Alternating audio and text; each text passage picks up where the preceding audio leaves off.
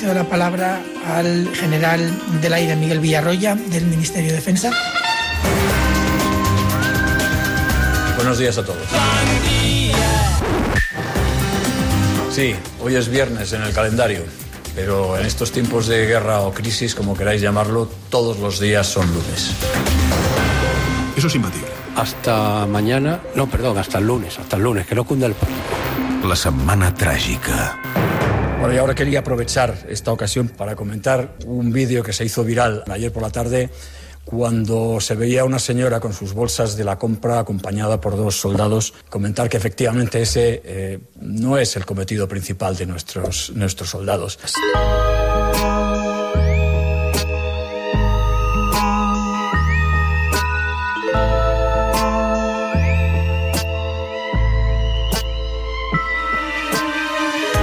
Avui la setmana tràgica amb el Toni Rodon, doctor europeu en Ciències Polítiques, investigador a la London School of Economics, professor de la UPF des de Londres. Bon dia, Toni, què tal? Bon dia i bona hora. Quin temps fa aquí, Toni? Doncs uh, va, uh, tu què t'imagines? Va, fes una aposta. A veure, tan malament pinta la cosa, Toni?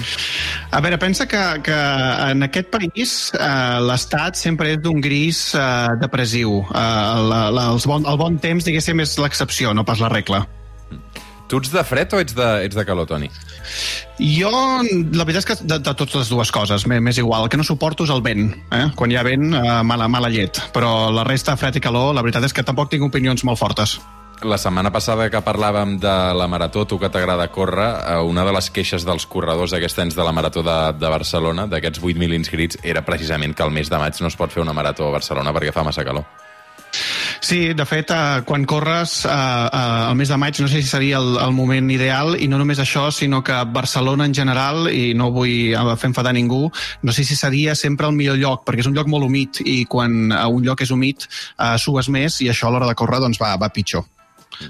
Avui a la Setmana Tràgica parlarem precisament del temps, de la meteorologia, perquè eh, molta gent aquestes últimes setmanes, aquests últims dies, ja ha fet el pas de començar a treure la roba d'estiu, perquè bona part del país el temps eh, bo ja comença a treure el cap, de fet ja fa calor. I avui la pregunta que intentarem resoldre amb el Toni Rodon és aquesta. Quan fa calor som menys productius?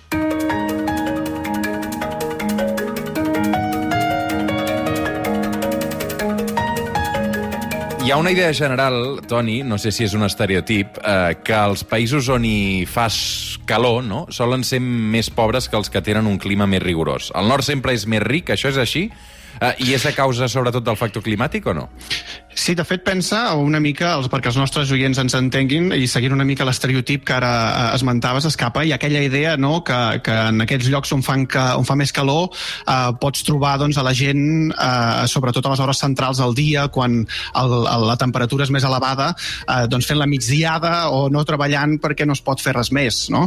Eh, un dels exemples, per exemple, és en el cas de l'estat espanyol, no? que al sud, eh, on hi fa més calor, doncs algú podria argumentar eh, que són zones menys productives precisament per això, perquè ja les zones centrals del dia no, no es pot treballar. En tot cas, escapa, això eh, és un tema clàssic i de fet fascinant eh, dintre de l'economia, la sociologia o la ciència política i em temo que una vegada més té de respondre allò que responc moltes vegades, que és depèn, mm? i que no està tan clar. Mm?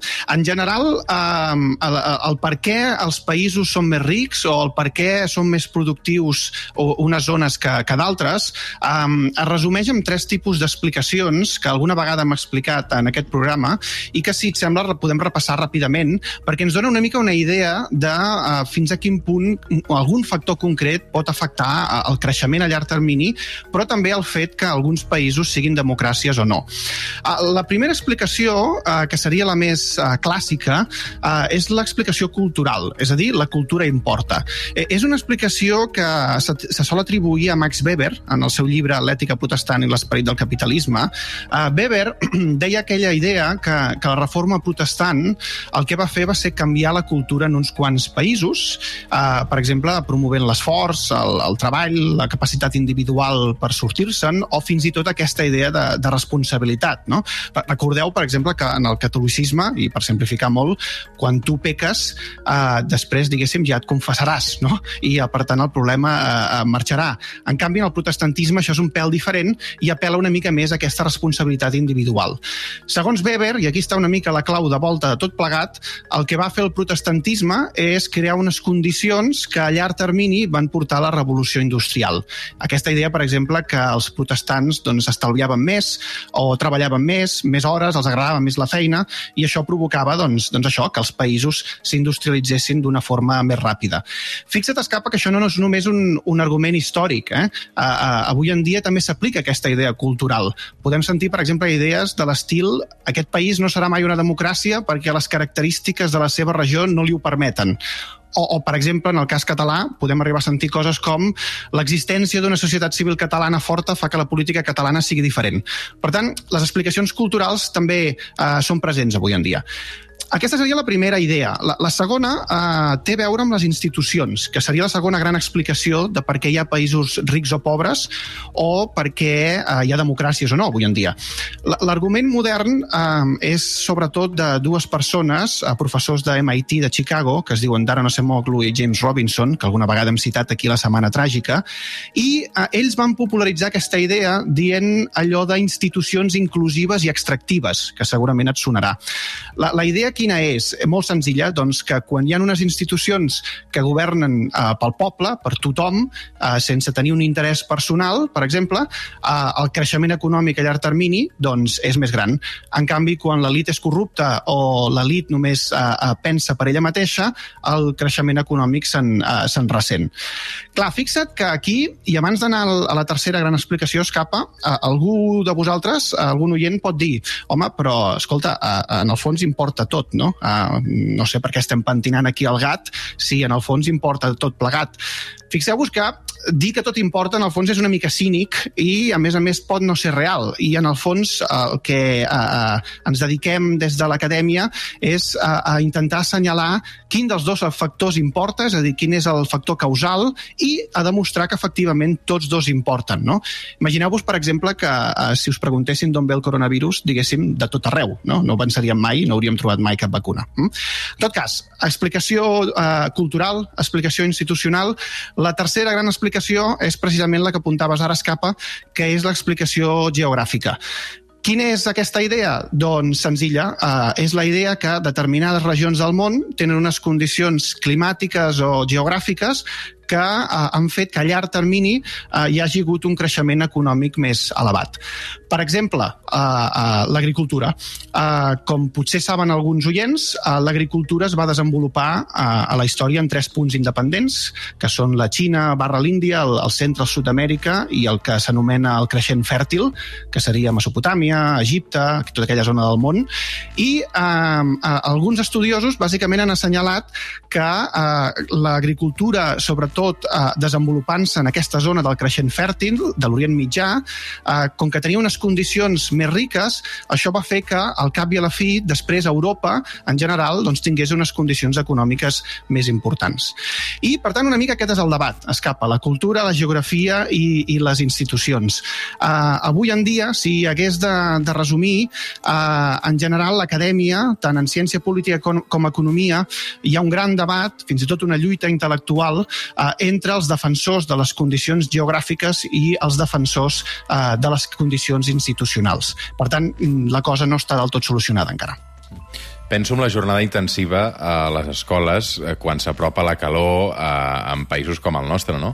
Amb la idea aquesta de que quan fa calor som menys productius, sí que té bastant sentit per això.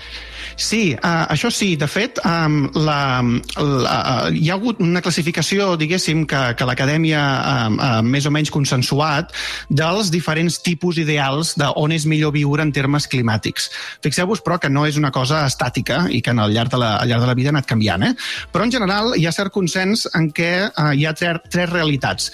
La primera realitat, la bona, uh, seria la realitat de, dels països que es troben en temperatures uh, uh, moderades. Mm?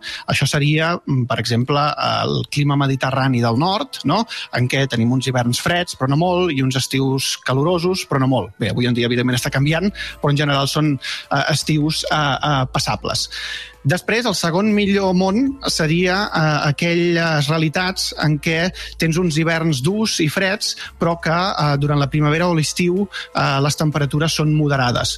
Per què és el segon millor món? Doncs perquè, eh, dirien els economistes, durant l'hivern la productivitat baixa, però després, durant la primavera i l'estiu, quan les condicions són bones, la productivitat explosiona i, per tant, el creixement eh, econòmic eh, també. I la tercera realitat, la més dolenta, diguéssim, seria aquella en què les temperatures són molt extremes i que, per tant, durant tot l'any, evidentment s'hi pot viure, però té un límit de creixement econòmic i de productivitat. En tot cas, escapa sí, per tornar a la pregunta, eh, per exemple, en les escoles, eh, tots els estudis que s'han fet eh, el que indiquen és que quan la temperatura a l'aula puja, és a dir, eh, quan, per exemple, l'aire condicionat s'espatlla, o quan no es posa aire condicionat, o quan hi ha molta humitat, el rendiment escolar eh, decau, eh, decau de forma important.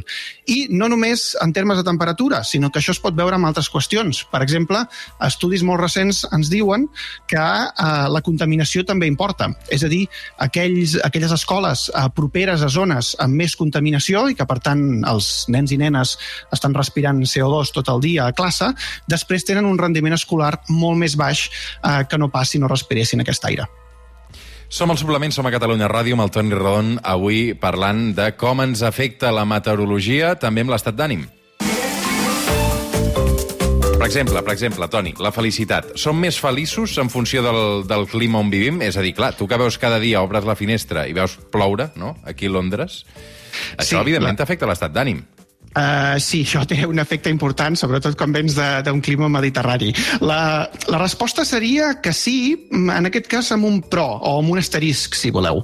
Per què? Perquè uh, quan fa bon temps, i això està demostrat físicament, uh, quan, quan fa sol, per exemple, som més feliços, perquè el nostre cos, doncs, diguéssim, està més content, però al mateix temps, a nivell global, quan ho mirem per països, allò que realment fa pujar o baixar la felicitat no és en primera instància la temperatura o el clima, és mm, en essència l'estat econòmic o el benestar de les persones.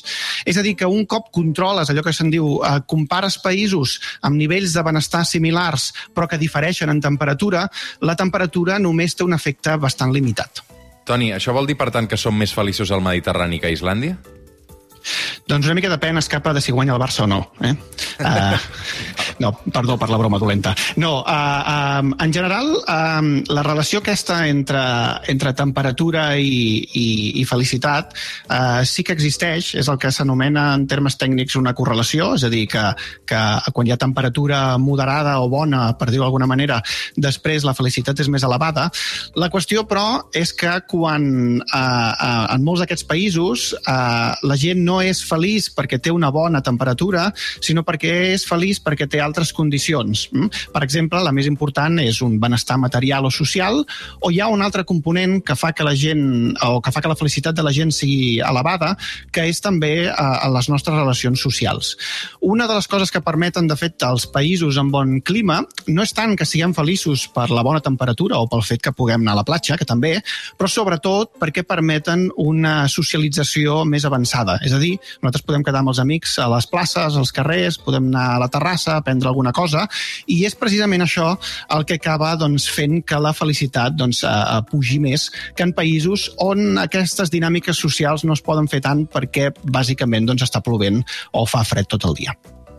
La pluja, Toni, sí que té afectació. Um, per exemple, ara penso en unes eleccions. Um, és evident que sempre hi ha el temor aquell de ai, que plou, plou, plou el dia que hi ha convocades unes eleccions um, i després la participació baixa especialment eh, entre el percentatge de població més gran perquè potser tenen més temor de sortir al carrer a anar a votar. Això és així o és un tòpic? Fixa't, escapa, que a mi aquest argument sempre m'ha fet gràcia perquè eh, sentim les dues coses, no? Sentim, eh, quan plou la gent li fa mandra votar i vota menys, però fixa't que també pots haver sentit en el nostre context, quan fa bon temps la gent va a la platja i per tant no va a les urnes i per tant tampoc sí. vota. És a dir que, en el fons, hi ha una mena del que se'n diu eh, postracionalització, és a dir, que tu decideixes no votar i després el teu argument de no votar doncs te, te l'inventes una mica o fas El servir... pintes a l'oli com et doni la gana, no? Ah, exacte. Eh? Sí, una mica seria la, la definició popular de, de la postracionalització, que una mica dius el que et dona la gana per justificar el teu comportament. En tot cas, eh, com et pots imaginar, perquè la ciència política escapa té molt de temps lliure, aquesta és una qüestió que he estudiat bastant, el de la pluja, i en concret eh, tot va començar amb un estudi als Estats Units eh, que es titulava Els republicans han de resar per la pluja.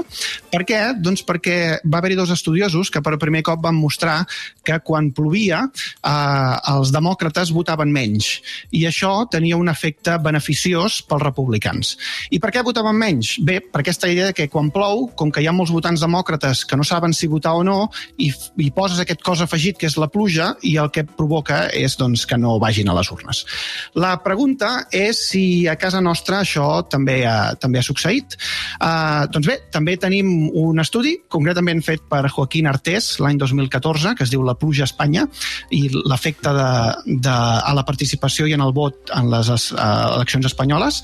I el que mostra aquest estudi és que en les eleccions generals de l'estat espanyol uh, aquesta relació també es produeix, és a dir, quan hi ha pluja uh, la participació cau, per tant tindríem aquest efecte negatiu, però en aquest cas, i a diferència dels Estats Units, el, uh, els perjudicats no seria el, el PSOE, que, mm, cometes cometes, seria l'equivalent del Partit Demòcrata dels Estats Units, sinó que són els partits petits i uh, els partits que no són els principals. Mm? Per tant, de nou, la pluja tindria un efecte, però els que haurien de resar perquè no plogués no seria ni el PP, el PSOE, Junts per Catalunya o Esquerra, que són els grans, sinó uh, aquells altres partits petits de, del sistema. Avui hem fet un repàs amb el Toni Rodon de com ens condiciona la pluja amb unes eleccions, amb la nostra felicitat i sobretot també amb la productivitat. Um, ho fem des de la seva perspectiva política. Um, Toni, des de Londres, sota aquell cel rúfol, una abraçada ben forta perquè Catalunya fa bo. Sí, pensa que a Londres hi ha una de les coses que sempre ens fixem quan agafem l'avió i passes per França, ja tot sol, ets, estàs de bon humor, estàs fantàstic, després t'atravesses el canal de la Mànega i veus aquell núvol i penses, per què? per què sóc aquí? Doncs mira. Per què? Toni, en cuida't, fi, una abraçada ben forta. Que vagi molt bé. Fem una pausa i de seguida tornem al suplement. Fins ara. El suplement Ràdio amb esperit de cap de setmana. Amb Roger Escapa.